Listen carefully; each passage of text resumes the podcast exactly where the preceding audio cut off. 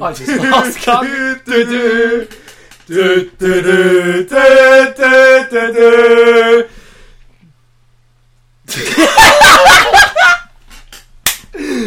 Sorry, oh, ich doch ab. Kommt er eens, nimm nur ein Fetzen.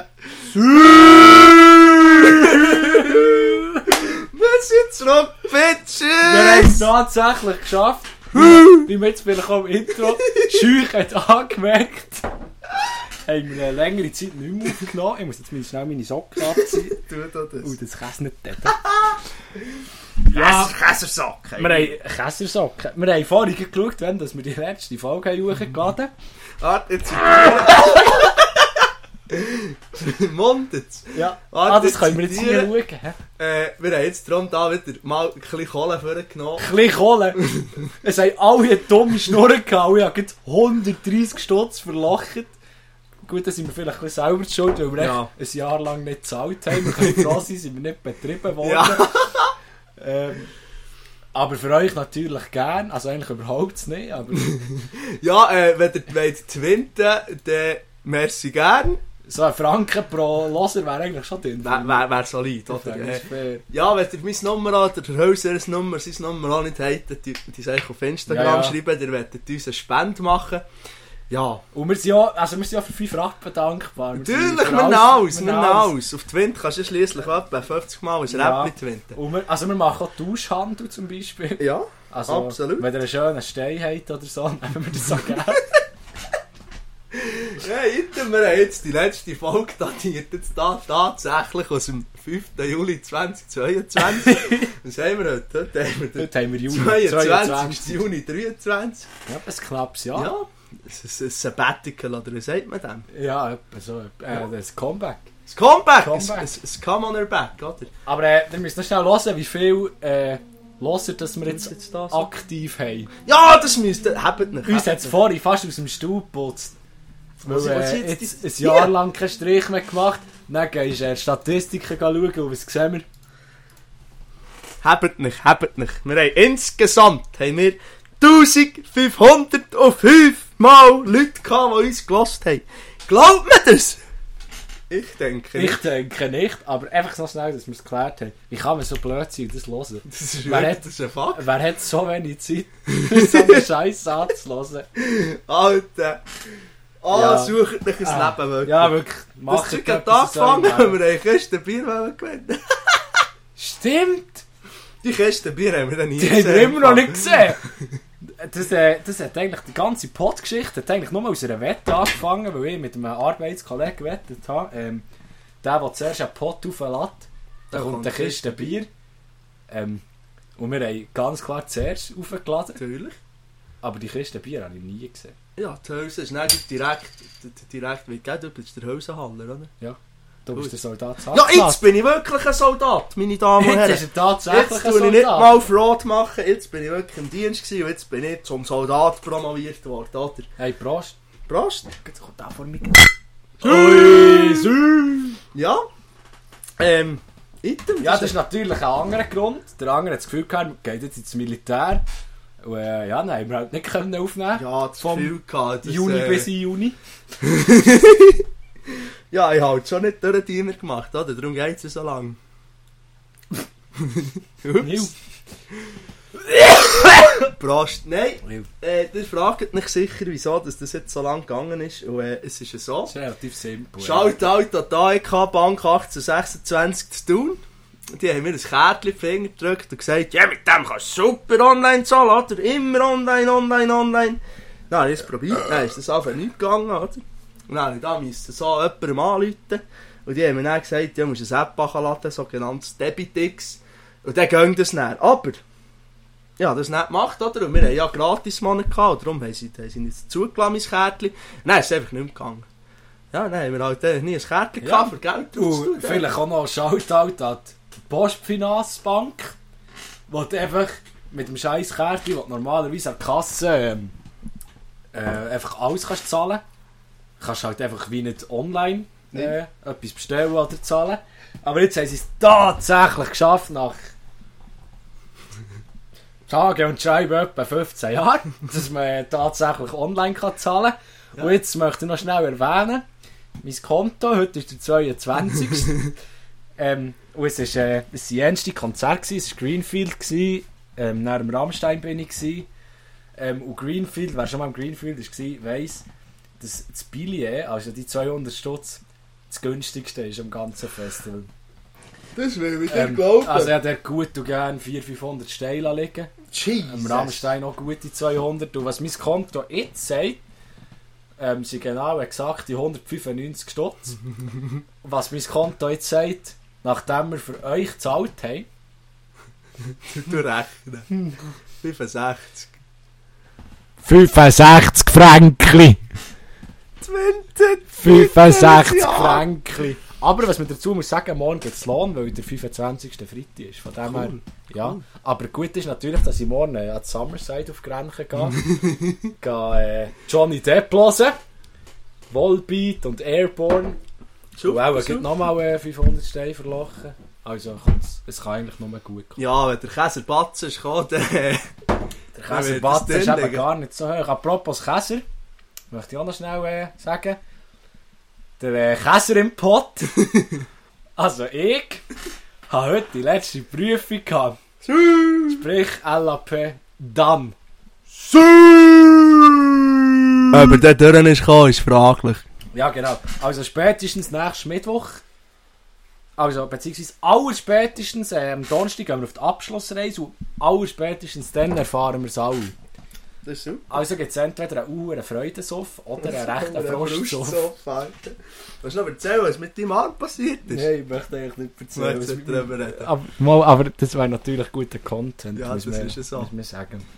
Das die ganze Geschichte von Anfang an. Von Anfang an. Also, wie unsere Podloser wahrscheinlich wissen, weil es Zacknat etwa 10'000 Mal pro Folge erwähnt, ähm, mache ich die Lehre als Käser. ähm, und so in der Lebensmittelindustrie arbeitet man mit relativ viel Chemikalien, sprich so Säure und Laugen. Ähm, die brauchen wir zum irgendwelche Tankfossen zu putzen oder sonst irgendetwas zu reinigen, weil es geht halt relativ gut weg so mit Säure und Laugen. Es putzt relativ äh, effizient. Ja, weiter. Dann äh, habe ich letzten Freitag gedacht, hure Freitagsstimmung gsi, hure auf das Rammstein gefreut. Und dann hat mir noch einer gesagt, so, ja, putzt ist noch den Tank, äh, willst du die noch ankommen mit Laugen? Ja, dann ist die Hülse zum Reinigungsmittel Böcksli. Das Aufda, Schutzbrille angelegt, Händchen angelegt, wie es Suva vorschreibt. Und dann so einen Liter Messbecher genommen. Gut, ich habe vielleicht nicht so viel studiert, aber eben vorher, äh, am Donnerstag ist eine Bandprobe und dann bin ich am Freitag, halb, äh, am Mittwoch, ja, keine Ahnung, jetzt habe ich Scheissdreck geschnurrt. Auf Item, dann so einen Liter Messbecher, dann sagstarken 50 Liter Kanister genommen, Natronlaugen, 50-prozentige. Ihr müsst wissen, 50-prozentige ist die stärkste, was es gibt. Weil alles, was drüber ist, verrät es den Kanister, das kannst du nicht lagern. ähm, vielleicht zum Vergleich, wenn man die ins Auge bekommt, ist man direkt blind. Also, ja, es ist noch harmlos, das Mittel. ja, dann wollte ich von diesem Kanister in den Becher füllen. Und dann bin ich so viel im Schoss, gewesen, habe ich ein bisschen mit zu viel Elan in den Becher reingeschüttet. Dann ist mir aus dem Becher entgegengeschwappt, oberen Händchen in Händchen gelaufen. Dann habe ich natürlich interveniert, sofort der Händchen vorgeschrissen. Und dann habe ich so gedacht, so, ja, geht denn? Ich weiß nicht, was alle immer so tun, es tut ja gar nicht mal so weh. ja.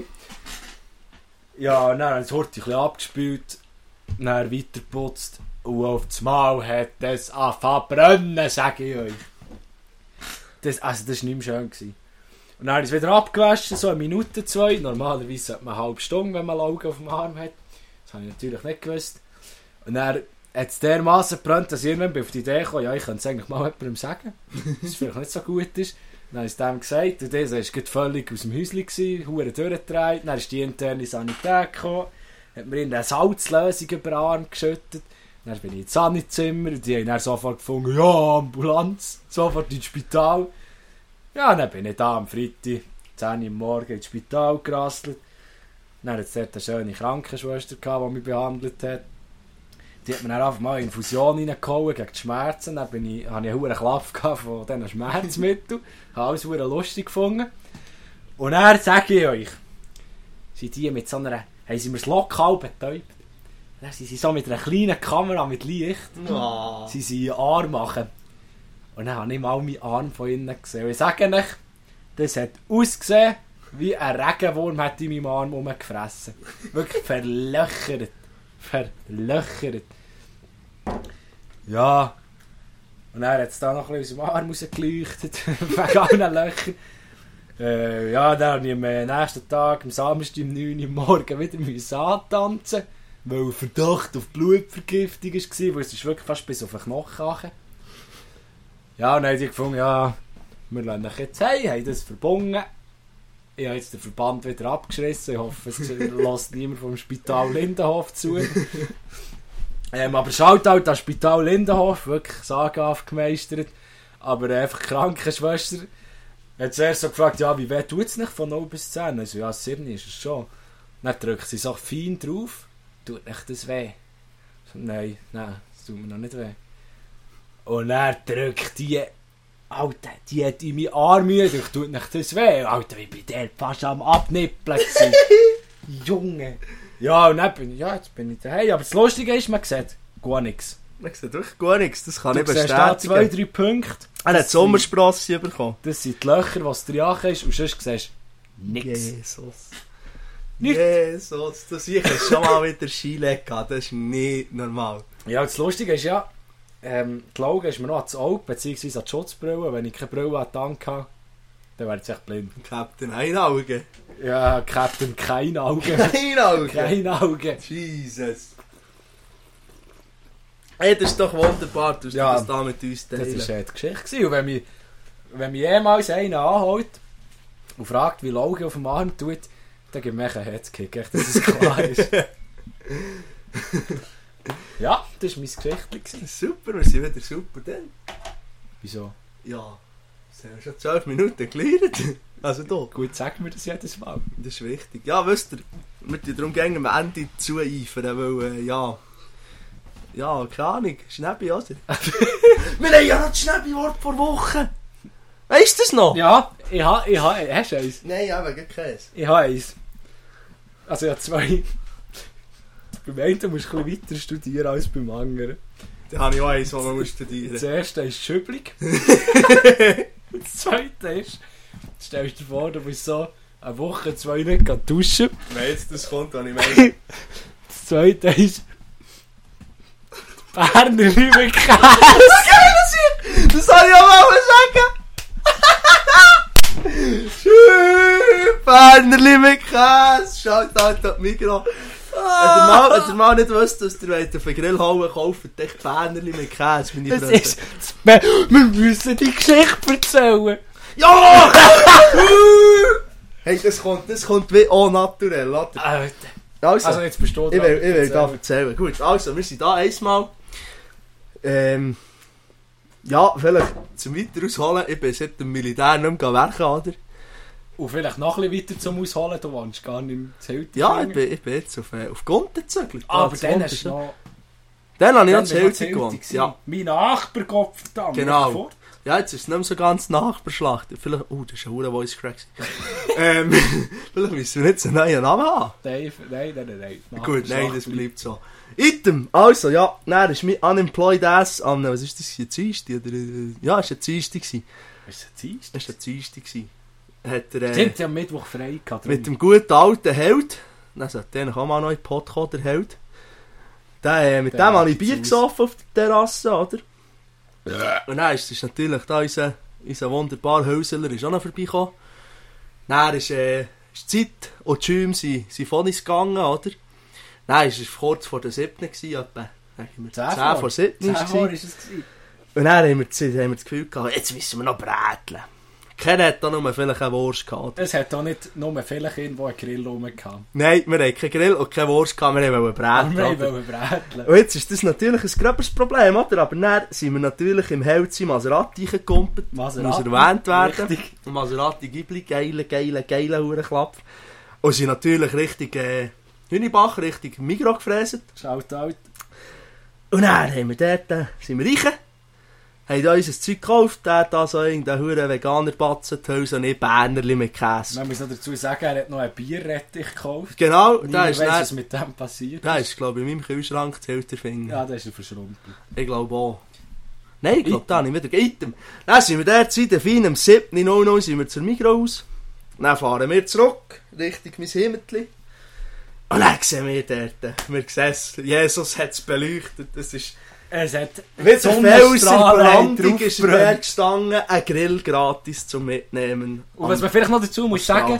Zacknat hat ein bisschen Flair für Sachen gratis zum Mitnehmen. Drum ist da ähm, irgendeine Box mit einem Anschluss, was äh, was schon lange nicht gibt. Drum ist da ein 80 Teabag-Buch. Nein, das habe ich mal gekauft. Drum hat es da 100 Formel 1 Bildchen und Sachen. Ja, das habe ich alles gekauft. Item. Ja, aber Item, ja, ich bin ein kleiner, ich bin ein kleiner Sammler, muss man sagen. Ein Messi, sagt man dem. Nein, Ein ich, ich würde es lieber als Sammler betiteln. Also, Sammler. Item, dann sind wir, äh, haben wir den gesehen, oder? Aber natürlich im Maserati kannst du schlecht einen Grill tun. Sonst, äh, Ja, es hat dann noch weißes Leder ja, gehabt. genau, sonst, äh, ja, nicht so cool, oder? Familie. Dann sind wir heimgebrauset, haben den Karren hergestellt, Etwa mit 80 durch 30. natürlich. Dann sind wir dort raus, dass wir die Ersten sind, die den Grill können nehmen können. Hat wahrscheinlich auch keinen Schwanz, so einen hohen Grill, weil wir Hell, mehr. äh. Dann sind wir den reichen, oder? Dort dachen. Natürlich Bluttransnigen montiert. Ey, wir sind dort Tag, du. Dann wie die grössten Huren Harzer sind wir dort das Loch ab. Nein, mit dem Grill gepäckelt. Und sind mit dem hin. Die alte Thunstrasse aufgewatscht. Und dann war das doch wunderbar. Gewesen. Wir haben jetzt einen Grill. Und wir haben Würst. Jetzt ist einfach nur das Problem. gewesen. Bernerli mit Käse. Bernerli mit Käse haben wir. Hey, Bernerli mit das Käse wichtig. gehabt. Jetzt ist echt nur noch so, gewesen, das ist ein bisschen langweilig. Nein, nein, nein! Wir, haben- wir sind der festen Überzeugung, gewesen, wir grillen jetzt auf deiner Terrasse. Ja, das Wir haben stimmt. schon das Gas Das stimmt. angeschlossen. Wir haben schon getestet, wir haben wir das sind Gas schon, wir sind schon den Grill am Ausbrennen. Dann gewesen. sind wir noch der Angerlau, der Angerlau hat dann noch den Karren der Held. Und Besteli ist dann dann reichen mit seinem Karren. Ja. Dann hat er sich in ein sauren Cowboy-Outfit geworfen. Von Kopf bis Fuß, von Cowboy-Stiefeln über die Blue Jeans zum Westernhemd, sogar noch mit dem, Mit, mit dem Cowboy-Hut vom, vom Hölzler, oder? Nein, das ich ausgesehen wie ein saurer Vollpfosten. Also wirklich schlimmer ist Dann kommen wir dann, ich und die sind zusammen im Karrenhaus gewartet, vor seinem, vor seinem Haus. Dann haben wir noch den, der Snons Effizienz aktiviert, er soll doch auch kommen, beziehungsweise er hat Er angerufen, ob wir noch an See gehen. Ja, ja. Und wir so, ja voll, Ja. wir gehen den See. Wir grillen. Wir grillen am See. grillen am See. Und dann haben wir das natürlich im Held verklickert. Aber- und er so, Giel, jetzt habe ich mich nur dumm angelegt, sicher nicht. Nein, mal, wir gehen jetzt den See. Vielleicht noch Jens, äh, Snons Effizienz hat nicht, äh, also ich glaube, er hat nicht ganz im Kopf gehabt, was für einen Grill. Ich glaube, Ja. er hat so einen So einen Mini-Grill. Kuckeli-Grill oder so. Oder so einen 5 Franken Ja. Einweg-Grill aus dem Coop. Nein, wir haben eben gesagt, ja, wir haben einen Grill, wir nehmen den mit, oder? Und dort ist dann die Idee entstanden, wir nehmen durch die Uhren Gas machen, das sehe nicht, oder? Dann sind wir losgelaufen mit, der, mit dem Grill, haben Und noch die der Garette Garette. mit dem Gas drin oder der, der Tasche mit dem Zeug. Dann sind wir dort natürlich, neben dem Laueribach, die, es kennen, hat so eine Abkürzung für das E-Achen. Die geht schon ewig, also die haben mehr gebahnt. Genau, und dann haben sie plötzlich echt den Bosch abgehauen, haben weil sie gecheckt, dass haben, wir immer dort durchlaufen. Und dann haben sie dort das Loch im Busch geschnitten. Genau, und dann sind wir dort, sicher etwa schon fünf Schäume tief, sind wir dort wie losgelaufen. Und sind dann dort, haben wir gedacht, nee, wir mögen nicht aus und kehren, es ist weit mit dem scheiß. Wir gehen jetzt dort das verdammt Weg ab. Und vielleicht für die, die es nicht kennen, es ist einfach so eine Regenrinne im, im Dreck, wo so, ja... Also man, man hat schon Mühe, wenn man nichts dabei hat. Genau, und wir haben eine Garette und einen Gasgrill bei uns gehabt. Dann sind wir dort hoch, die Hülse vorab mit der Garette Und die Gasflasche. oder der Dann ist mir Gasflasche. noch der Salat entgegengekommen, und der Bierrettich ist mir entgegengekommen. alles kann zu fliegen. Dann hat das den Sack genäht und hat dort das Gefühl gehabt, wie sie lachen, oder? Mit seinem Grill. Und dann ist er plötzlich Ja, da einen Grill Film war. Ja, und der Held war noch mal am Filmen, dort oben hat uns noch dumm ausgelacht. Dann ist mir der Grill noch gekippt. Ja, Das sind Video, das Video kommt äh, wir- heute das kommt auf das Insta. auf unserem Account. Genau, das nämlich müsst ein ihr Video sehen. von diesem Spaß. Das gibt unser erstes Reel, Alter. Ja, der sieht man, auch wir gehen mit der Zeit, oder? Ja, dann sind wir mit dem Grill dort an See. Jeder hat uns Huren dumm angeschaut. Hometown Wenn wir mit dem Huren Grill dort anmarschieren, haben wir dort Zeit den Finger nicht. grillt. Und er, was ist ein Campingstuhl? Leg mal auf eine Garette. Garette ist der beste Campingstuhl, den du kannst haben, meine Freunde. Kauft euch eine alle eine Garette. Garette. Ja, wirklich. Ja, Land dann haben wir in 30 einander Stellen. rausgeschüttelt. Stimmt, einer ist nicht reingelegen und der andere hat ihn einfach rausgeschüttelt. Das war lustig. Das war lustig. Ja? Was ich vielleicht noch zu sagen habe, wenn wir es von diesem Weg oder einfach im Allgemeinen vom Hüneck Park haben, das ist ja eigentlich so ein bisschen, der Pod ist so ein bisschen für äh, die Hilterfinger, Ja. für Oberhofen. Fick Oberhofen, fick Hünibach. Ja, Hünibach okay, Oberhofen geht gar nicht. Fick alles, was nicht Hilterfinger ist. Fakt. Einfach, was ich noch wollte sagen, ich weiß nicht, wer im Umkreis von diesem Hüneck Park wohnt, gehört aber der Scheiß verdammt hure Hodupfau mögen. Und echt, was ich noch wollte sagen, ähm, schon gleich ist Thunfest. Und nach dem Thunfest fällt der auf mysteriöse Art und Weise, wenn ich heimkomme. Ja Einfach wirklich. Feld, hast du das auf Tape? Oder nach dem Sommerfest. Nach dem Sommerfest fällt, nach dem Sommer oder Thunfest fällt er. Ganz komisch. Zum Beispiel echt nicht mehr da. Das war der Fuchs. gewesen. Einer hat es ja schon mal getatscht. Ja, ich glaube, der Jockeli hat schon Der verloren. Joggeli hat schon den Der Fuchs Hansli ist geholt. noch da. Ja, das ist ja C. Ah, ist der Hansli eine Frau? Mhm. Lol. Gut. Ja, das wäre eine Geschichte gewesen, wenn wir innerhalb von einer Viertelstunde Ein Grill hatten. ein hure Abenteuer haben erlebt. Ja. Mit Berner... Berner- mit- Bernerli mit Käse. Käse. Und darum werde ich jetzt hier hochoffiziell mein Schnäppi zum einem Bernerli mit Käse umbenennen. Das ist von mir akzeptiert. Das ist gut. Und das zählt es eigentlich. Ja. Aber ein Käse hat es eben eigentlich nicht immer. Darum ist es meistens ein Bernerli, aber manchmal ist es ein Bernerli mit Käse. Ja, wenn du so eine Woche nicht duschst, Ja. ist das Bernerli mit Habe ich Käse. das jetzt gerade in den Pod exclaimed. Ja. Seid ihr fein? Mhm. Ich freue mich, wenn wir wieder den nächsten Strike kassieren. Leck du mir, Hals bitter. Ja, Ja? was man noch muss sagen, ja, bei meinem Laugenunfall habe ich noch die Dämpfe eingeschnauft und seitdem äh, huste ich wie ein 90-jähriger Kettenraucher. Das ist eben wichtig. Ja, wenn wir beim Husten sind. Ich habe ja für unseren Ehrenglatzen per se und Frau Amherd habe ich im Uh, da geht heute von lang. im D das hat jetzt komisch da. Item. Habe ich, habe ich gedient am Vaterland, oder? Der Sieg hat gehustet. Ich bin fast, ich habe wirklich, ich habe Tuberkulose Husten, ich habe Blut gehustet, meine Damen und Herren. Und äh, jetzt du willst du noch die Kino-Story erzählen? Ah ja! Dann bin ich in Kino mit der Freundin. Und dann habe ich Freundin müssen hast. husten, dass ich gleich den Popcorn reingekisselt habe. Das war dann gottlos, gewesen, ich sage ich's. Das war wirklich gottlos. Gewesen. Und ich bin quietschköpfig, quietschfidel, aber einfach diesen huren Husten habe ich so dermassen gehustet, dass ich an fucking müssen kotzen. Das ist, das ist fucking fickt's Militär dort, Alter. Und dann bin ich jetzt, jetzt MZR, wie sich das jetzt nennt. Man darf ja nicht mehr KZ sagen, oder? Und dann äh, bin ich auf das Tour nachgerösselt, beziehungsweise ich musste zuerst mal drei Wochen müssen warten. Und ähm... Jesus.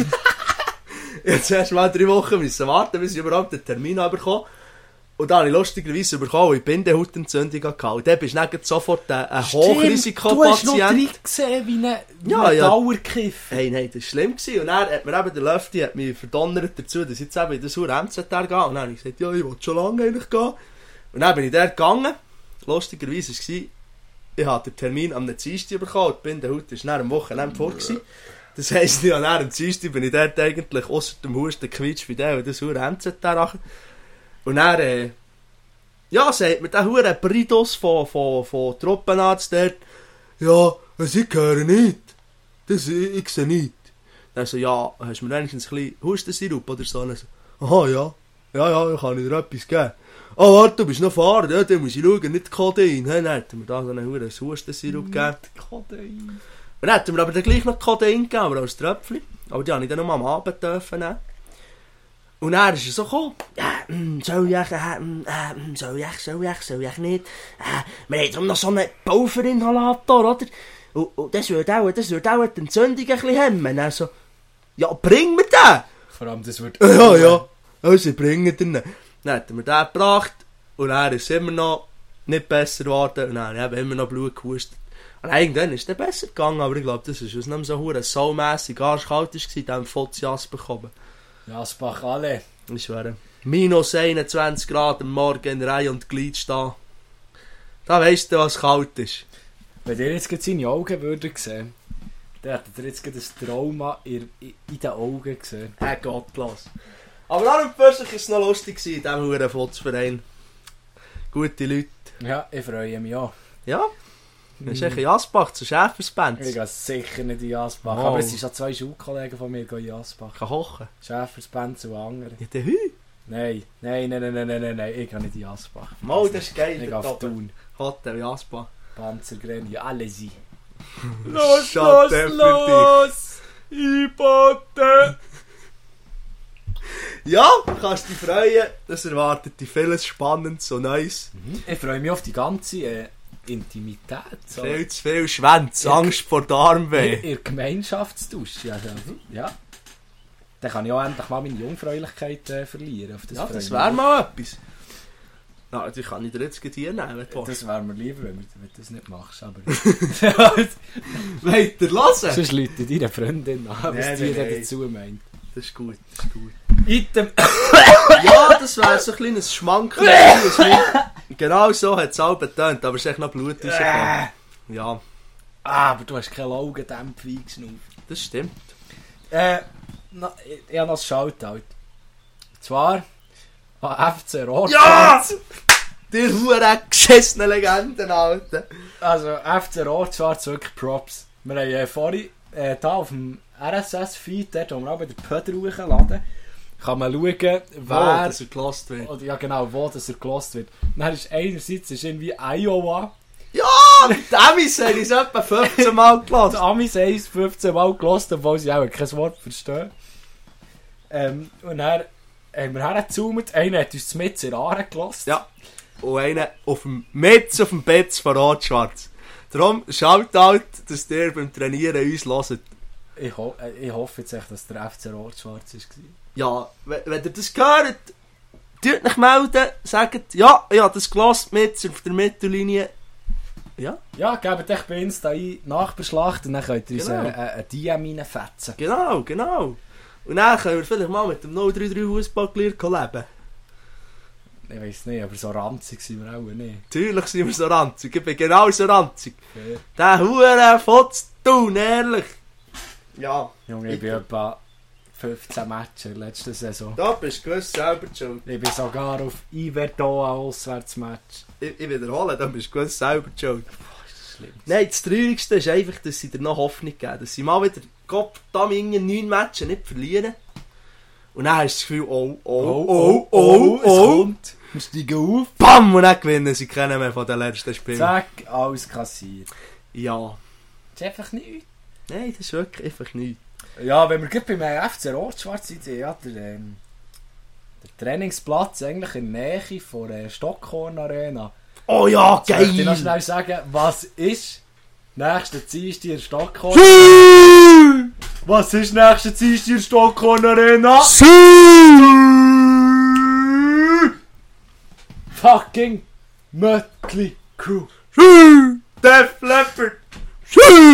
Ja, Euro, Oh, Europe. Europe, ein bisschen weniger zu. Ja, aber der Final Countdown, da gar nicht. Ja, beim Final Countdown gehe ich auch ab, aber dann können sie eigentlich als ersten Song spielen und dann, Weißt du was? Ich habe gerade einen Song für auf die dann Liste. können sie eigentlich, oh, wir haben ja Home. Sweet Home. Bam, bam, Well, bam, bam, bam, bam, bam, Ich werde grennen bei diesem Lied. Gre- Rennen wir zusammen. Wir grennen zusammen. Hand drauf. Wobei, was mir jetzt noch muss sagen, du hast mir schon eine Tannenfuhr versprochen mit der Hang, dass wir Ja, zusammen beim Lauen das ist eine andere Geschichte. Da ist dann ein gewisser jemand in meinem Leben ein bisschen schlecht zu weg gewesen, ich bin, dann einfach, ich bin dann einfach allein im Feuerwehrdepot gestanden an dieser Afterparty. Ja. Ich bin halt echt allein im gewesen beim Ja, Lauensee. es tut mir leid, Das liebe Hörer, es tut mir wirklich leid. Aber ich habe ich familiäre Angelegenheiten gehabt, wo ich musste schauen, dass die nicht auf die Straße raussäckeln, dass in dieser Hagel voll war. Ja, Fair. Genau. Item, ähm, eben, ich werde rennen bei diesem Lied, weil Home Sweet Home ist wirklich Home Sweet Home, Alter. Ja. Es ist hier, Stockholm. Arena. Fucking hell, Alter, ich bin hyped. Ich bin hyped. Wenn wir jetzt so bei den Konzerten sind, ich bin da einmal mit dem, mit dem, äh, wie hat der geheißen? Der, der, der, der, Äh, der Matros Matros- Kajütenbettnetzer, Ankersetzer. Ankersetzer, genau. Mit dieser Bride bin ich spontan, weil ja schliesslich kein Bier zu einem Moment, oder? Harzer! Bin ich in der Ruhe, bin ich am Abend Abend auf Zürich rausgerasselt, Harzer am Ende, in der Ruhe, Tenacious fucking Dilos, Alter. Und es war das geilste Hurenkonzert, das ich in meiner Lebtung war. Die feissen Mandli dort, die geben Vollgas.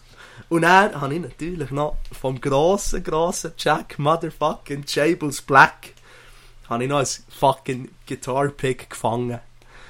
Ich bin fast, ich bin fast umgekehrt. Beziehungsweise gefangen habe ich es nicht. Es ist so eine Reihe vor mir zu Boden. Dann habe ich gedacht, ja, Schade, der war es, oder? Das, das hat schon lange einer aufgelesen. Schauen den Boden, ich sehe es liegen. Freunde, glaubt mir, ich bin noch nie so hure schnell zu Boden gewesen wie dann. Hang drauf, nächstes spüre ich, wie fünf andere hängen auf mir drauf bretschen. Aber ja, Militär liegt der Stütz, oder? Habe ich, Ja. habe ich angedrückt wie Satan. Dann sind die Hänge wieder weg. Dann habe ich es aufgenommen, hat die angeschaut, schnell den anderen gezeigt, ins Portemonnaie, ins Portemonnaie, zu den neuen Sachen und gut war.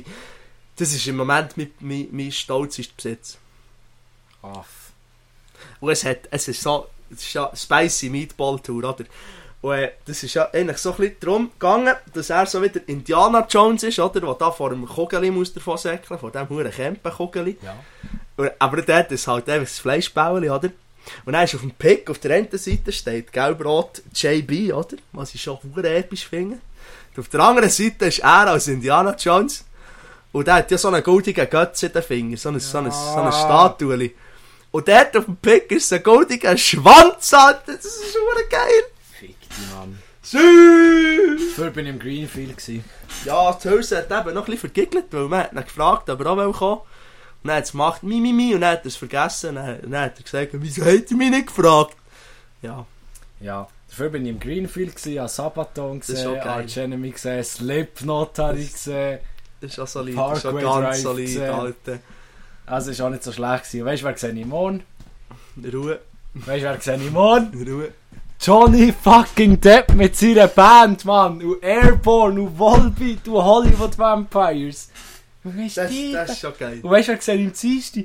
Mötley Crew, der Weißt du, wer gesehen im Dienstag in einer Woche? Fucking Guns N' Roses. Oh, das ist das schon am Dienstag in der Woche? Ja. Ja, da kann ich auch! Oder in zwei, oder in zwei. Fünfte. Ja, 5. 5. Juli. 5. Juli. Ja, das ist in zwei Wochen. Das ist in zwei Wochen. Also am Dienstag in der Woche. Ja. Süß! Yes. Alter Freund, ich muss irgendwie noch Geld finden, für Merch zu kaufen, Alter. Fragt mich noch einer, wieso dass ich nur noch 120 Stutz auf dem Konto habe. Gesehen. Ja, Ja, wenn Mo- wir mal zu unserem Gast ich kommen. würde sagen, Wir haben auch heute wieder einen Gast. Gast. Also, es geht jetzt gerade so. Es ist, äh, ich habe ja schon mal meine schlechtere Hälfte im Pod gehabt. Das ist jetzt die noch schlechtere. die schlechteste Hälfte. Das war die ältere schlechte Hälfte. Gewesen. Und jetzt kommt ähm, noch die schlechtere. Die jüngere, schlechtere Hälfte. Ähm, ja, mein kleiner Bruder. Der freut sich schon ewig Für den Pod. für den Pod. Ähm, ja, Aber heute war er im Aquarium, gewesen, hat sich noch müssen wegstellen genau. Er hat noch auf das WC So. müssen, für die Aufnahme äh, zu machen. Darum bin ich jetzt gespannt, ob es hure hallert oder nicht. Ich will es hoffen. Hallert. So, dann Also. tu du mal verbinden. Da. Ich will ihn den Cape, aber es ist eben kaputt. Aber du ihn tut dann nicht. nachher zu Mic. Schau sonst- mal. Nein, eben nicht. Sonst das übersteuert So, uns auch. Siehst du Sid Bayer irgendwo? Hausenboom! Das ist meine. Das ist geil, das ist wichtig. Sepp Bayer ist nie. Mal, die kommt jetzt, da musst du schauen. Ja, wie ihr seht, wir haben noch ein bisschen... Äh, Ja! So, wir haben noch ein bisschen technische Probleme. Wir sind nämlich wieder wie vor der ersten Folge und keinen Plan haben, was wir machen. Ja, das ist wichtig. Ja, so. Also, äh, du mal testweise abspielen, ob das überhaupt kommt. Also, warte. Ich will heute die... Ich tue die Gelegenheit nutzen, für noch ein weiteres Lied auf unsere Playlist zu tun. Und das Ja, wäre... was hast du ähm, vorhin drauf? Oh, heilig!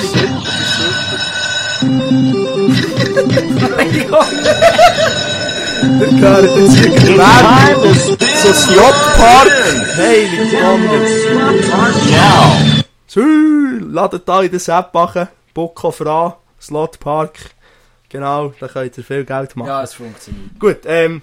äh, Was habe ich mal drauf da? Genau, ja, drauf da. Ähm, was habe ich drauf da? Ah ja, Home Sweet Home. Ja, genau.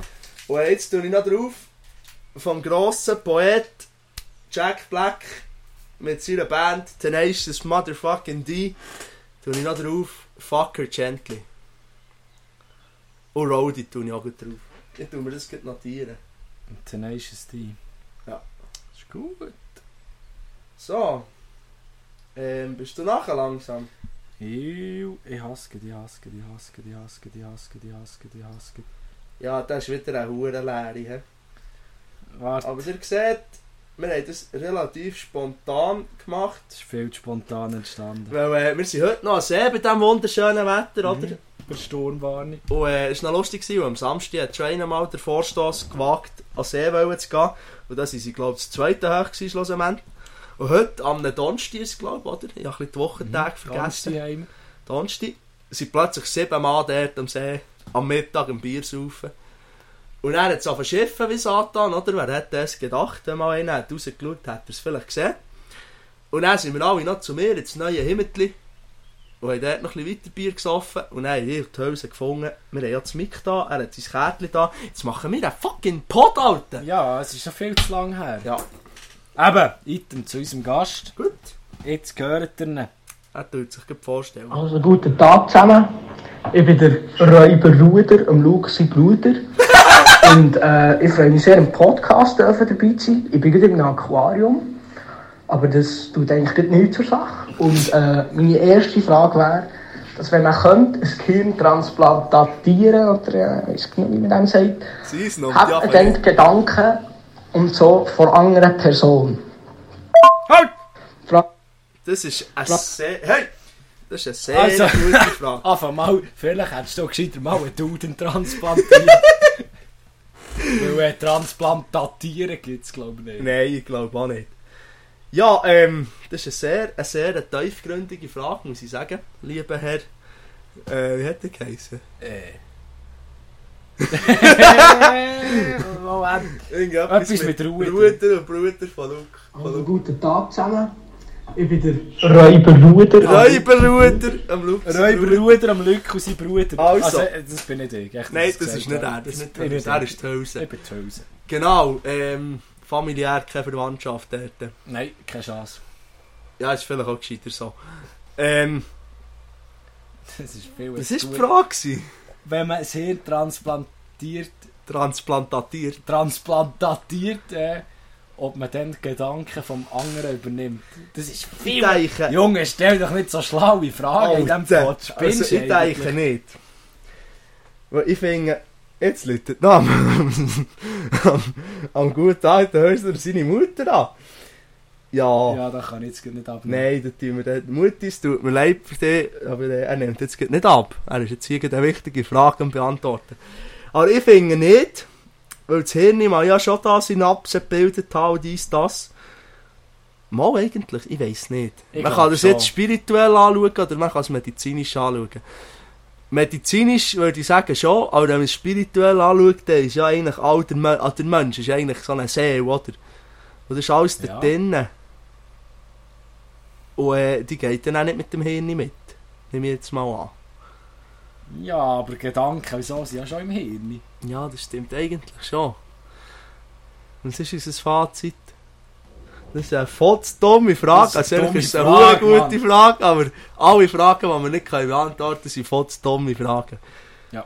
Genau, ja, äh, ich finde, als, als abschließend können wir da sagen, Schön! Ähm, ja, voll, die kommen mit. Ja, die kommen mit. Das ist gut. Also, nächste Frage. Frage. Warte, da ist das Böckchen. Frage Nummer zwei ist, wenn man in einen Schalldämpfer reinmörtet, wird das dann wirklich leislicher? Oder äh, wird das nicht leisliger? hey, auf Fabu uns mal gefragt. Ja. Ja, Nein, nein, will es nicht. weil ein Schalldämpfer dämpft erst aber eine gewisse Anzahl Dezibel. Das hätte ich jetzt nicht gewusst. Und drei Schreien erreichst nicht die Dezibel, die ein Querschuss erreicht. Gesehen. Ich hätte jetzt mehr argumentiert, dass ja der, der, der, der Sound, oder, der wird ja von diesen Huren Gas gemacht. Ja. Und äh, es, der- der Schalldämpfer ist so gemacht, das ist ja nicht einfach so, wie zum Beispiel beim Mikrofon, wo der Popschutz da einfach so ein bisschen Schaumgummi hat, ja. sondern das sind so verwinkelte Metallbitzen. Und dort tut es dann wieder, das, ui, jetzt ist es bald dringend, sie läuten das schon das zweite Mal an. Soll ich überbrücken und dann gehst du dran. Ich muss auch. Also, er will jetzt heute ans Telefon gehen, wenn dem, dass ich euch da ein bisschen die Lücke fülle. Ja, Äh, ja, Item. Äh, es ist so. Und dort tut es die Gas wie verlangsamen, habe ich das Gefühl. Und darum, wenn du drin mögest, kommen ja keine Gas raus, oder? Also mal, es kommt schon Luft raus, aber ich denke, es wird nicht, es wird nicht leislicher. Weil erstens müsstest du schnell wie so durch einen kleinen Lauf durchmögen oder einen hohen Schalldämpfer haben. Nein, das wird nicht leislicher. Genau. So ist es. Ähm, ja, jetzt bin ich da ein bisschen allein gelassen worden von dieser huren Futzhülse da. Wir müssen mit seinem Mutiger telefonieren, weil er noch nicht alt genug ist. Und jetzt äh, ich bald nicht, was ich soll lernen. Ähm, ja. Ähm. Genau, das ist sicher mal wichtig. Nachher, uh, der sich hat Huren eingeschlagen dort. Ähm, was wollte ich noch sagen? Ja, ich war ja schliesslich im Dienst gewesen, oder? Als Funkaufklärer im Jasbach. Und das, war noch lustig, gewesen, das war wirklich noch lustig. gewesen. Shoutout an meine Lads aus meinem Zug. Spezifisch der Bracher, der Steiner, der Rief, der Grossi, der Jost, ähm, der Dugan, der Nell, der Plattner, äh, der Büchli, der Vorer. Vorer ist ein geiler Sieg. Ja. Ich glaube. Der Hüsler! Der Hüsi. Legende Hüsi, Alter. Ja, genau. Der ist jetzt gerade Japan ein ein bisschen am verstrahlt werden dort oben. Ja, mal. Ich hoffe, denen tut es gut. Der Rief, die arme Seele, müssen weitermachen. Der ist jetzt Wammeister. Und ja, vielleicht kann ich da noch erzählen, wieso das Bier da nicht ist Wammi, äh, so, so, so, nicht ist Wammeister geworden, weil es geheissen, von Tag 1 an eigentlich hat es geheissen, ja, Sacknaht, der werdet, der werdet weitermachen, das ist schon mal ganz klar, weil der hat so eine grosse Schnurre. Und dann ist ah, fuck, ja, das stimmt, das gibt's ja nicht, das soll er weitermachen, das ist ja gottlos. Dann habe ich mich eigentlich schon damit abgefunden gehabt. Und er ist, äh, mein persönlicher Jesus ist, ist mir erschienen. Der schnutzbärtige Beroni Piffel von meinem Schützenverein. Und hat mich dazu verdonnert, dass ich so einen Kurs gehe. Vom, äh, vom, vom Schützenmeisterfesen her, oder? Und da habe ich dann zwei... Was hat jetzt der gemacht? Was hast du gemerkt? Scheißegal. Und da hat mir dann zwei Tage Urlaub beschert, oder? Und das war lustigerweise genau dann, wo der Häuptling hat seine Gespräche geführt mit, äh, mit allen Soldaten, oder? Wer denn muss weitermachen. Und Bestel war natürlich nicht rum. Dann bin ich zurückgekommen am Montag, dann wieder eingerückt am Sonntagabend. Und dann, jetzt tu mich nicht unterbrechen, da, du hoher Sacknatt. Item, dann bin ich zurückgekommen, dann war Montag, dann ist es Dienstag geworden, dann bin ich in der Fassmannschaft der Koche gewesen, oder? Dann habe ich dort, äh, ist der Löfti gekommen, Bieri, ihr müsst sofort zum Häuptling, äh, Sacknatt, ihr müsst sofort zum Häuptling, oder? Und dann äh, bin ich zum Häuptling gegangen. Und dann hat er mir da ihm erzählt, wieso, dass ich nicht weitermachen will, und wieso, dass, das, wieso, dass ich das da nicht gutiere, da weiterzumachen. Dann hat er gesagt, ja, ist gut, ich tue dich auf die zweite Liste. Aber die Salmar hat mir dann nicht können sagen, dass, dass, dass die Liste voll war, oder? Weil es ist einfach an dem Donnerstag, an dem Freitag, sie echt die Liste gefüllt mit, äh, mit den Wammeister. Und ich hätte gar nicht müssen, egal was ich da für eine Story hätte abgezogen. Und dann hat er noch das Gefühl gehabt, wir jetzt der Good Guy sein und mir das so sagen. Aber ich hätte gar nicht müssen, müssen weitermachen, weil ich eben dann gefällt habe. Genau, und darum äh, möchte ich da ein Merci an, an meinen persönlichen Jesus Beroni Piffel aussprechen. Dass er mich dort... schnutzbärtiger Sauhang, dass er mich dort hat, äh, mehr oder minder gezwungen, in diesen Kurs zu gehen. Genau, das hat mir äh, meine Freiheit gewährleistet. Weil äh, die rücken nächste Woche nächste Woche rücken die wieder rein für ihre zweite RS und das wird mich gottlos anschiessen. Genau. Ja, Ew. und jetzt ist äh, die Hose wieder da. Was hat Mutti gemeint? Also ich wollte nur wollen fragen, ob sie mich jetzt mit heimnehmen Ah, das ist super. Aber Nein gesagt. Das, das ist auch super. Gell. Also, ja, wir sind bei der dritten Frage. Genau, wir kommen weiter mit den Fragen. Das ist jetzt ein kurzes Intermezzo vor der grünen Seite Aber, von mir. äh, gut überbrückt, Schon, gell? denke ich mal. Ja, etwa eine Minute lang. Ähm, ja, was soll ich jetzt? Mhm, ja, habe ich etwa gesagt. Genau, also weiter geht's mit der dritten Frage. Die dritte Frage ist, ähm, was ist euer Lieblingsdino? Und Oh. warum ist es euer Lieblingsdino? Das würde mich auch noch interessieren. Wichtig, wichtig. Ich, ich lasse dir jetzt, Hölzler, hier den Vorrang. Ich muss so schnell überlegen. Ich gebe auch. Also nein, ich muss ich nicht überlegen. Es ist nämlich, es ist der Spinosaurus. Und wisst ihr, warum es das der Spinosaurus ist? Erstens ist, weil der im Jurassic Park 3 ein absolutes hure Gerät ist.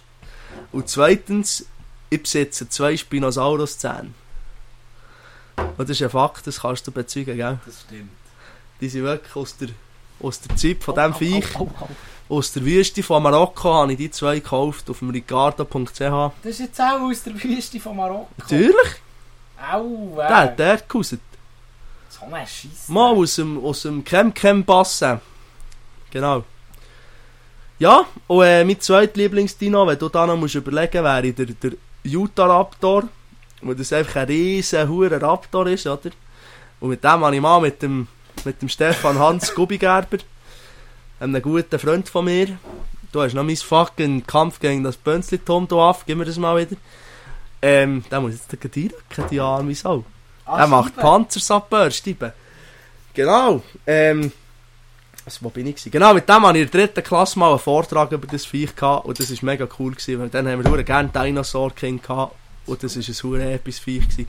Und der dritte geilste Dino ist, ist der Carnotaurus. Weil er echt episch ist. Ja, jetzt ist ja die Dino-Ausstellung Ende. Ja, meine Grössle hat schon gesagt, sie, sie, die jetzt sind. Absolut. Und die hat gesagt, er hat der eine Tag verdammt gemögt, aber das hat er genau einmal abgelassen, dann haben die Nachbarn verdammt rumgemögt. Genau. Also mein Lieblingsdino ist ähm, ganz klar der Velociraptor. Ja, aber im, im echten Leben ist der ein bisschen, ein bisschen, ein bisschen, ein bisschen neff. Mal, der fickt absolut. Der ist klein, Das ist so gross. eben, der ist klein, flink wie Satan, schnell wie Satan, wendig wie Satan. Der hat alles zerfickt. Oh, das ist der, Utah, das ist der eben auch, aber er ist ein bisschen grösser. Ich bin für einen Velociraptor. Und es kommt natürlich das Velo im Namen vor. Ja, das ist Das wichtig. finde ich auch noch recht wichtig. Schaut halt an Velos aus. genau, ja, Ja. das Militär hat mich ein bisschen tiefer in die Zucht gestürzt. Ja, Büttle sind Leben, Büttle sind Liebe. Dann kommen wir jetzt auch noch zum Songwunsch. Ja. Denke ich mal. Ja, warte, ich will Ich da. finde es gut, hat er mir noch ein Bild aus dem Aquarium geschickt. Schildkröte am Bumsen. Das kommt dann auf, das kommt dann auf das Instagram. Definitiv. Du musst mir nachher schnell wieder Zugriff noch geben. Ja. Gut, Songwunsch. Zum Songwunsch. Ich wünsche mir ähm, auf die Playlist Ich das äh, die Schweizer Nationalhymne, weil Das ich wichtig. in diesem Land bin aufgewachsen und ich das Land auch von ganzem Herzen liebe und ich dafür würde sterben.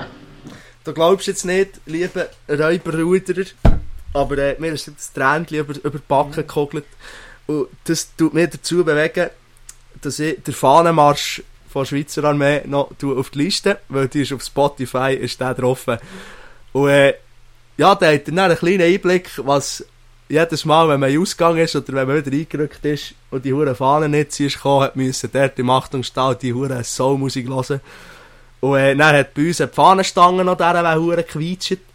Dass es mich beim ersten Mal fast vertätscht hat. Und im Achtung darfst du ja nicht bewegen und darfst sicher nicht reden, oder? Und dann habe ich dann versucht, das Ganze mit einem Huster zu kaschieren. Und dann hat die ganze Kompanie müssen lachen. Das war mega lustig. Gewesen. Wird dem Achtung gelacht? Ich denke nicht! Wird dem Achtung geredet? Ich denke nicht! Ja, jetzt kommt Moment. Los, los! Haller! Ja, das ist etwa, das ist etwa ein guter Winkel. Hallerun! Wo ist das Merci? Merci! Und salutieren zum Merci. Besser ist. Gut. Äh, Bier, Keine. du bist Rekrut noch nicht mal und ich bin Soldat, ich bin höher du. Das ist mir gleich. Aber äh, du kommst dann auf die Welt, wenn du in diesen Verein reinrückst. Genau, also Nationalhymne und Fahnenmarsch sind äh, getroffen. Das ist wunderbar. Ich tue mir jetzt darum da ein kleines Listchen führen, weil sonst kommt das Zeug aber aber nicht auf die hohe Playlist, wenn ich es vergesse. Und der ganze Hure Seich, den wir da zusammen lernen, nochmal zu hören, das äh, ist mir dann auch ein bisschen zu blöd. Genau, ähm, ja, hast du noch einen Punkt, einen brennenden Punkt Äh, auf dieser noch Liste? ein paar Punkte. Seid ihr Und wir viel? haben ja noch Zeit. Ja. Ich möchte gerne noch jemanden grüßen. Willst du jemanden grüßen? Und zwar den Manni Matter. Der Manni, Mann. Ehrenmanni. Den möchte ich grüßen. Dann möchte ich den One and Only Lemmy Killmister grüßen. Tschüss. Lemmy, Lemmy, Lemmy, Lemmy, Lemmy, Lemmy, Lemmy. Die Ace of Spades! Ist Ähm. das, das ist glaube ich schon drauf. Das ist gerade drauf da. Das ist mir gleich. Äh, dann habe ich noch ein paar Fragen. Ich noch. Schon? Mhm. Muss ich die beantworten? Ja. Ei, ei, ei. Wieso schwimmen Fische auf dem Rücken, wenn sie tot sind? Nur ein Ja, aber Freitag. viele Fischfragen. Also, warte, tu mir mal den Ikea-Fischerhut geben, dann kann ich dir das beantworten. Das, warte, das gibt dann auch ein Bild. Warte, dann will ich noch das T-Shirt anlegen, weil da wir Ranzen da nicht Dann können wir endlich wieder Memes aufladen. Ja, dann können wir dann wieder Memes hoffentlich vielleicht, ich weiß auch nicht. Genau, ähm...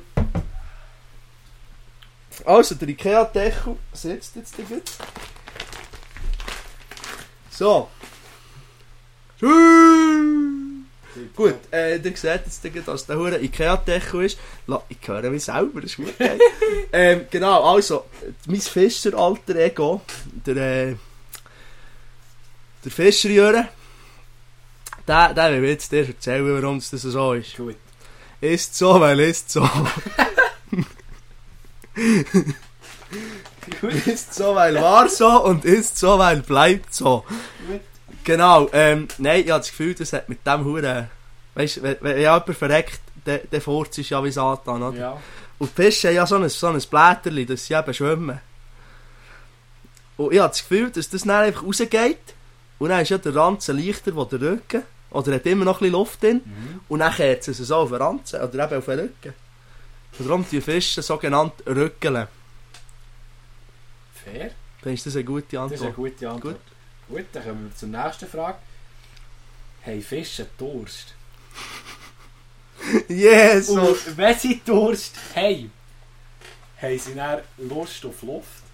Ich denke es nicht. Weil wenn wir Durst haben, haben wir auch Lust auf Wasser. Das stimmt. Nein, aber der Fisch ist ja so ein komplexes Viech, oder? Das, das nimmt ja Sauerstoff über das Wasser auf, über die sogenannten Kiemen. Und, äh, ja absolut, ja. Ich bin Fischmörder par excellence. Mhm. Und, äh, ja, da möchte ich noch Anekdoten anmerken, wo wir, äh, ich und die Hülsen sind mal fischen graben Mülli. Und dann sind da rundherum haben die Fische rausgeschissen wie Satan und wir zwei Briten einfach nichts verwutscht. Aber dann hat der Zack genommen, hat einen rausgenommen, eine wunderschöne, hure kleine Forelle, aber sie war seidenfein. gewesen. Bis heute Und die Hülse, die eigentlich sogenannter Berufsfischer ist, neben dem Käser, äh, Ich hat so keinen einzigen ich Fisch so hat er fischen. Und das Geilste war ja, gewesen, er es noch mit seiner Route gemacht. Ja. Ja. Ich, ich gehe so viel fischen mit dieser Route. Wir ziehen vielfach etwas raus. Aber Ja, ich glaube, er hast nichts verwutscht. In der Grabenmühle, wo tausend Fische in diesem Teich schwimmen. Keinen hat er verwutscht. Nix. Darum äh, schaut out an das Forellenseele zu Zusimmen. Ja, Alter! Dort waren wir eine halbe Stunde, weil ja ein paar Fische rausgeschissen Dann müssen wir wieder mal Dann müssen wir wieder mal, aber es wird eben halb teuer wie Sau. Ja, fair. Ja, genau. Ähm, habe ich die Frage beantwortet? Nein, habe ich nicht. Ich denke, die haben keinen Durst, weil ja konstant Wasser durchfließt und sie haben ja nicht so gerne Luft, weil wenn du halt Luft nimmst, dann macht Genau. Gut, nächste Frage. Kann ich Fische furzen? Jesus. Ich denke es. Aber es kommt echt zu Schnurren aus. das ist, wenn du aber die Blätter siehst am See, was runterkommen. dann- Hast du es? Ja. Der hat um einen Fisch gefurzt. Ah, okay. Ähm, dann ist noch die letzte Frage. Menschen stinken ja. Jetzt, wenn wir nicht da sind, fangen wir irgendwann an zu stinken. Wie Satan. Stinken Fische unter Wasser auch, die stinken ja schon schon. Aber unter Wasser. Ja, hey, Fische überhaupt eine Nase? Das ist die nächste gute Frage. Wow! Konterfrage. Fische eine Nase? Ich denke nicht. ich denke schon. Schon. Ich denke nicht. Ja, aber der, der Haifisch, der schmeckt ja Blut. Und der Haifisch lebt im Wasser. Und die Tränen sieht man nicht. Genau. Äh, Row Zero, oder? Ui, Bist du jetzt, bist jetzt dort reingekommen, oder nicht? es hat kein Row Zero mehr gegeben. Schade. Aber ich bin schon weit vorne gestanden. Das ist super. Ja, ähm, ich glaube, die schmecken nicht. Die, die tun das mit so Rezeptoren, die, die schmecken. Und nicht mit der Nase. Okay. Genau. Ja, Wir haben 55 Minuten. das ist super, dann können wir noch jemanden umbringen. Stimmt, Tina Turner haben wir äh, ja nicht auf unserer äh, nein, nein, wir haben es eben ein bisschen verpasst den haben wir Meatloaf. mal gemördert? Der Meatloaf, oder? Ja, den haben wir gekillt. Wenn wir es nochmal mit Ossi probieren, aber ich glaube, der Sieg stirbt einfach nicht. Nein, ich glaube, das ist zu dumm zum Mit dem haben Sterben. wir es jetzt etwa dreimal probiert. Ja, Wer stirbt einfach nicht? ich würde sagen, wir probieren den Vince Neil. Der kann ja nicht singen. Aber den würde ich darum gerne am Dienstag noch hören. Ja, ja, aber äh, warte noch bis zum Dienstag, gell? Von mir aus kannst du auch dort drauf gehen. Weißt du, wie das episches Konzert das wäre? Am Mittwochmorgen kannst, Mittwochmorgen, kannst du dich verabschieden. genau. Ja, der Vince Neil. Ja, aber der reiht dann noch im Bett zusammen. Wäre vielleicht gescheiter. Ja, darum haben sie ja etwa 20 Background-Sänger. Ja, Ja, ich glaube, es längt. ja, ja, ja. Haben genug. Ja, das wär's wieder mal gewesen, unsere grosse Comeback-Folge, oder? Grandiose Comeback-Folge. Come on, Back-Folge. Dazu muss man noch sagen, als kleines Extra, weil wir jetzt äh, ein Jahr lang nicht haben, etwas aufgeladen haben, wir noch die letzte Folge, die wir vor einem Jahr haben aufgenommen haben. Äh, mit dem Bätli. Die ist hure lustig. Ja, das ist auch die beste Folge, die ihr nie gehört habt. Mit Abstand. Dort haben wir uns so den Arsch ab. Aber äh, es wird halt ein bisschen, viele Sachen so ein bisschen aus dem Kontext raus sein. Wir haben vor allem echt gelacht. Ja. Ja, das heisst, ihr bekommt heute für, für einen Preis von einer Folge zwei und darum ihr einfach. Ja, Stutz bitte. Stutz, merci. Ja, gut. Also wir nehmen das ist schon Naturalien. Ah ja, das würde ich schon schon. So, so ein Kilo, ein Kilo Mehl oder äh, Ah, jetzt ein mehr, paar Eier oder ein bisschen Parmesan. mehr etwas anderes zeigen. Aha, ja, ja, aber äh, das darf ich eben nicht aussprechen. Ja, ist vielleicht gewesen, sonst bekommen wir einen Strike. Nein, nicht, nicht wegen dem. Ich will es gar nicht wissen. Ja, Ja, gut, komm. gut. Merci fürs Hören, der treue Loser. Ja.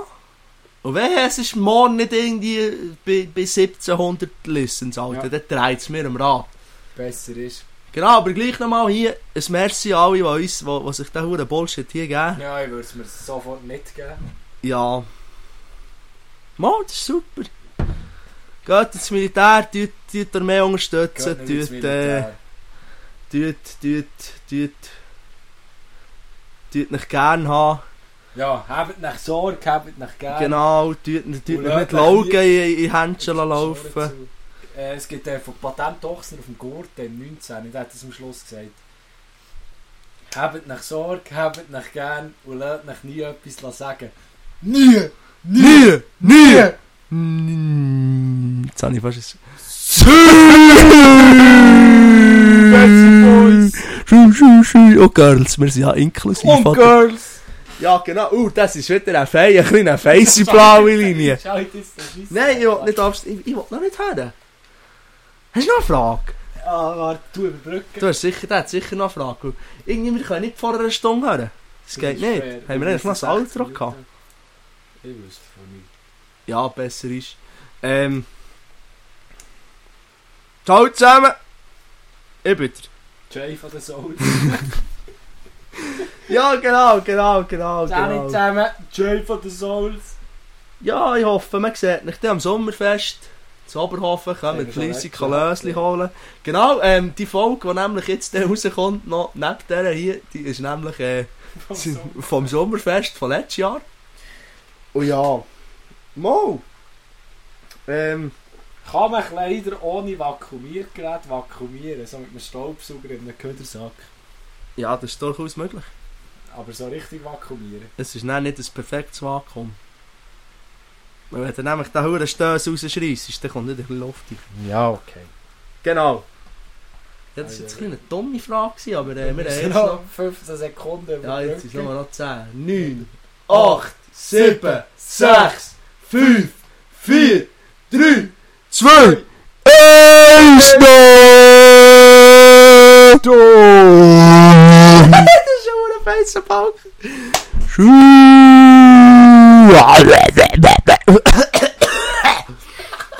Ja, ich bin gerade fast gestorben.